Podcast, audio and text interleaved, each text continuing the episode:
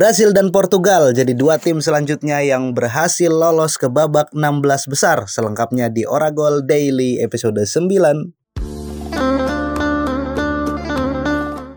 Selamat datang kembali di podcast Oragol karena sepak bola bukan hanya tentang gol barengan saya Ikhlas Alfarisi. Jadi ini adalah Oragol Daily episode 9 yang sangat telat karena aduh kesel saya tuh udah berusaha disiplin, udah udah berusaha bikin rekaman dari awal gitu. Jadi ceritanya pagi-pagi itu sebelum kerja ya kan, itu udah udah bikin rekaman tuh, udah bikin rekaman ya kan, pakai HP. Jadi apa ya buat yang denger gitu. Uh, selama Oragol Daily ini aku sama Rehan itu nggak ketemu secara langsung untuk rekaman di dalam studio tapi kita LDR dulu lah bisa jadi gitu karena mungkin ada beberapa apa namanya ada beberapa urusan ada beberapa pekerjaan juga gitu yang mesti diselesaikan. Sementara ada momentum Piala Dunia akhirnya kita apa itikat baik untuk tetap bikin podcast Oragol Daily. Tapi eh, rekamannya pakai HP masing-masing di sela-sela kesibukan lah gitu. Dan sebagai bayarannya adalah podcast itu tayang tiap hari gitu dengan durasi yang lumayan pendek gitu tapi ya gini kendalanya alat gitu. Duh anjing anjing. Ketika udah direkam hmm, file tersebut kan harus dikirim dulu ya ke email gitu. Untuk diedit kan untuk diedit dimasukin musik-musik Arab gitu kan. Nah tapi pas udah mau dikirim gitu entah entah HP-nya yang rusak atau apanya gitu. Nggak kekirim kekirim anjing sampai malam gitu akhirnya. Ini kalau podcast saya udah tayang mungkin bahkan bahkan bakalan lebih malam ya daripada rekamannya. Rekaman aja udah malam ini udah udah mau kick off putaran ketiga. Gokil loh. Podcast apa? Belum belum siap jadi media infrastrukturnya kagak ada. Oke lanjut aja ya. Ini saya akan ngomongin uh, apa grup G dan grup H ya di putaran kedua Piala Dunia 2022. Uh, yang pertama ada Kamerun dan Serbia, kedua tim yang sebelumnya di pertandingan pertama itu sama-sama kalah. Kamerun kalah sama Swiss, Serbia kalah sama uh, Brasil. Oke, dan ketika mereka ketemu, kedua tim ini ketemu, lumayan panas tensinya ya. Kedua tim itu saling serang gitu kan, saling wah serangan balik awalnya Serbia berhasil unggul tapi Kamerun juga kayaknya nggak mau melepas poin begitu aja. Dan sampai akhir pertandingan uh, ya skornya 3-3 gitu. Aku nonton sambil layah leyeh nggak terlalu merhatiin. Tapi ya pas meleng dikit ih udah 3-1 gitu Kamerun. Tinggal lagi meleng dikit ih kok udah tiga sama ini? Kok mantap sekali? Dan di akhir-akhir gitu 10 menit akhiran lah aku nonton uh, tensinya itu tinggi banget gitu. Makanya Oragol nge-tweet tuh. Saya sebenarnya nge-tweet. Ini kalau timnas yang main udah pingsan semua kali ya. Orang pemain Kamerun aja udah udah ada beberapa yang mungkin udah ya berusaha berusaha untuk tetap menjaga keseimbangan ya. Tapi kelihatan gitu bahwa wah stamina nya udah bener udah bener-bener abis gitu. Main Serbia juga kelihatannya keker tinggi tapi wah sempoyongan juga mainnya. Tapi ini mungkin hasil yang adil ya bagi kedua tim dan sama-sama meraih poin satu sementara uh, di grup G apa peserta grup G yang lain ada Brasil yang berhasil uh, mengalahkan Swiss. Ya Brasil adalah Brasil tapi yang aku soroti ini Brasil ini kan punya kom, apa? Punya komposisi yang sangat mewah ya mungkin kalau dibandingkan dengan siapa? Dengan Inggris, dengan Prancis. Itu Brasil masih menang kayaknya. Entah entah entah overrated atau emang fakta gitu bahwa kualitas Brasil tuh di atas tim-tim yang lain gitu tapi masih kalah gitu soal konsistensi mas sama Bra sama Prancis. Prancis tuh klinis banget di depan ya, konsistensi di depan gawang ya lini penyerangannya maksudku. Nah, pas lawan Swiss itu entah Swissnya emang jago gitu baca uh, arah serangannya uh, berhasil gitu. Nah, mereka tuh kesulitan gitu nemu celah, kesulitan untuk nemu uh, peluang gitu dan sekalinya dapat peluang pun langsung bisa dipatahkan entah sama backnya Swiss ataupun sama Ian Sommer ya kipernya ya. Dan ya backnya backnya Swiss pas itu ya bagus juga ada Manuel Akanji itu ya. Da dan respect gitu Swiss wih keren banget gitu main ya walaupun nggak bisa berhasil mencuri gol ya di gawang gawang Brasil dan sebaliknya Brasil ketika mereka mendapati kebuntuan gitu kan ya ini ini ini ini X factor yang nggak dipunyai sama tim-tim lain menurutku. Brasil itu ya punya kekuatan aksi individu bukan hanya satu dua pemain tapi hampir semua pemain kayaknya. Ul bisa ngulti semua bro. Pemain Brazil tuh. Kayaknya ya karena ya gol ini dicetak sama Casemiro gitu dengan cara yang ya yang kayak menurutku kayaknya itu di luar skema deh. Kayak apa namanya tendangan ser serefleks itu yang membuat Jan Sommer yang terkenal dengan refleksnya juga yang bagus mati mati kutu gitu apa namanya nggak bisa gerak bolanya tiba-tiba ngelesat ken, melesat kencang gol gitu. Gokil berhasil Casemiro respect lah. Dan ya akhirnya jadi jadi tim selanjutnya ya yang mampu lolos ke 16 besar karena udah udah 6 poin gitu. Sementara Swiss ya masih punya kans ya untuk nanti di laga terakhir melawan Serbia uh, ya kayaknya Swiss deh yang yang nemenin. Karena Swiss main bagus ya urusan kalah menang mah itu ya lawannya Brazil gimana udah diulti sama Brazil Swiss nah Swiss nggak bisa ngulti itu dia. Bagus secara skema permainan aja.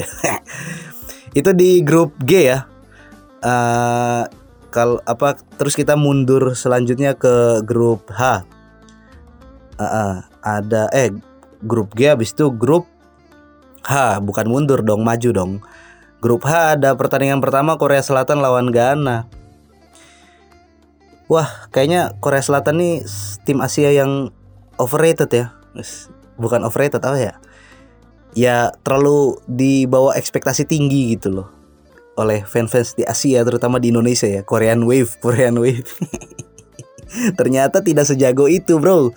Korea gitu, cuma ngandelin Son Hong Min doang gitu. Cuma ngandelin Son Hong Min doang dan Son Hong Min pun kalau nggak dapat supply yang bagus ya nggak jadi apa-apa juga gitu dan aku nggak tahu gitu skemanya Paulo Bento itu kayak gimana ya jadi flat banget. Aku di antara pertandingan malam itu tuh mak satu full pertandingan yang aku tonton ya Korea lawan Ghana ini dan cukup mengecewakan gitu. Ya karena aku ke bawah ini ya ke bawah Asian Pride gitu. Ngedukung Korea dong masa Ghana ya kan? Tapi di babak pertama udah di, udah lengah aja mereka. Akhirnya ngebikin apa namanya ketinggalan 2-0 dari Ghana gitu. Pas masuk ke babak kedua oke okay, mainnya gitu. Uh, menit 61 apa udah udah dua sama gitu udah berhasil disamakan ya sama sama Korea gitu. Tapi caranya gitu nggak ada creativity gitu. Nggak ada creativity selain uh, ngasih umpan secara diagonal. Eh bener gak sih diagonal? Ya crossing lah. Crossing crossing crossing crossing yang nggak ada kayak nggak ada opsi lain gitu. Kayak kayak apa ya? Ya kayak Korea lah. Dan ketika udah dua sama di penghujung laga Ghana juga berhasil nambahin gol jadi 3-2 dan Korea Selatan panik lagi tuh. Wah, berusaha nyari gol dan Ghana udah mungkin udah punya antisipasi, udah ngebaca juga oh paling Korea mah nyerangnya lewat crossing crossing dan beneran gitu, nggak ada nggak ada cara lain gitu kayaknya ya. Apalagi udah kepepet sama waktu gitu, tambahan waktu 10 menit ya kan Paulo Bento nih gimana ini? Ya gitulah. Makanya diledekin sama coach Justin itu beneran kan itu apa Korea Selatan pemain badminton semua. ya nggak tahu lah ya intinya Korea tidak cukup baik gitu menghadapi perlawanan Ghana sehingga mereka kalah 3-2 dengan ini. Poinnya cuma satu ya karena sebelumnya melawan Uruguay ya hanya kosong kosong Sementara ada Portugal yang berhasil menghempaskan Uruguay 2-0 lewat dua gol Bruno Fernandes yang mana satu gol pertama ini sempat diklaim sama Ronaldo ya. Pengen banget nyetak gol ya ampun ya. Kalau mau mah ya ya ayo gitu kerjasama gitu. Kasihlah ke juniornya do. Mah mas Nado. Ini kayaknya tadi siang Rehan mastiin ini ini yang bikin Oragol Daily siapa hari ini? Jadwal siapa? Aku aku bilang hari ini jadwalku gitu. Oh, kayaknya dia udah gatel pengen nge-review Bruno Fernandes sama Ronaldo. Yo tapi ya tapi ya untungnya Uruguay belum cukup solid ya sebagai sebuah tim. Menurutku mah apa ya Uruguay dengan kehadiran pemain-pemain baru yang mungkin dia di klubnya jadi bintang kayak Valverde, Darwin Nunez gitu kan. Butuh 2-3 tahun lagi buat jadiin tim ini sesolid kayak 2010 gitu. Iya wah kayaknya ya Suarez udah beneran abis gitu. Cavani juga sulit gitu udah udah udah bener-bener ada di usia senja mereka gitu terus chemistry dengan para pemain mudanya pun tidak terlalu nyetel gitu. Beberapa kali peluang pun dihasilkan dari kecenderungannya ya. Aku ngelihatnya kayak, "Wah, kok selfie sekali?" gitu. Ya entahlah ya, ini ini penilaian penonton apa video aja yang langganan ada dapat voucher dari kantor. Mungkin penilaian penilaian apa teman-teman yang pakai link Migi TV beda. beda kan atau yang lainnya gitu. Ya pada intinya di putaran menjelang putaran ketiga ini aku sih masih menantikan gitu konsistensi dari tim-tim unggulan yang sebelumnya itu banyak kan prediksi-prediksi A B C D itu diunggulkan, diinikan. Oh, ini bakal berbicara banyak, tapi ternyata pas udah dua pertandingan ini tidak seperti yang diiniin, tidak seperti yang diprediksi gitu di atas tidak seperti berjalan seperti apa berdasarkan kualitas yang dimiliki oleh tim tersebut gitu. Brazil kalau memang dia dominan skuadnya mewah dari apa nih dari depan sampai belakang ya harusnya mah 15 menit pertama ya udah satu kosong lah minimal gitu. Tapi ini kok butuh menit ke 60 apa menit ke berapa gitu pas Casemiro ngegolin. 80 menit ke 80-an gitu baru Casemiro ngegolin. Ya kalau jago mah kayak ini Prancis lah. Udah ya mungkin secara kepelatihan juga pelatih-pelatihnya belum terlalu ini ya, belum terlalu pengalaman ya. Tite itu 2018 juga sama Tite ya. Tapi kan kalau di Diar Deschamps kan sebagai pemain bau dan sebagai pelatih udah pernah juara Piala Dunia. Jadi apa ya? Ngelotok kayaknya soal piala apa namanya cara how to-nya untuk jadi juara di Piala Dunia itu di Dier tuh. Makanya kayaknya Prancis deh yang bakal juara lagi. Tapi kan gak seru ya.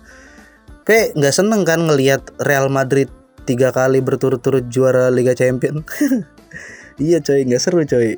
Jadi kita butuh gitu tim yang lebih konsisten yang mampu menunjukkan permainannya di atas lapangan sesuai dengan kualitas yang dia punya di atas kertas, statistiknya kayak apa gitu. Tapi pas udah main ke lapangan sulit juga, mandul juga gitu ya, agak gimana gitu nontonnya. Itu aja guys, buset ini lama juga nih rekaman 15 menit ya. Setelah tadi rekaman yang lama batal karena tidak berhasil dikirim. Oke, makasih yang udah dengerin. Kalau ada. Terus eh uh, follow ya Instagramnya Oragol podcast Oragol namanya at podcast Oragol gitu dan juga follow Instagram akun bola yang lain gitu karena lebih ada kontennya daripada kami. Terima kasih, bye bye.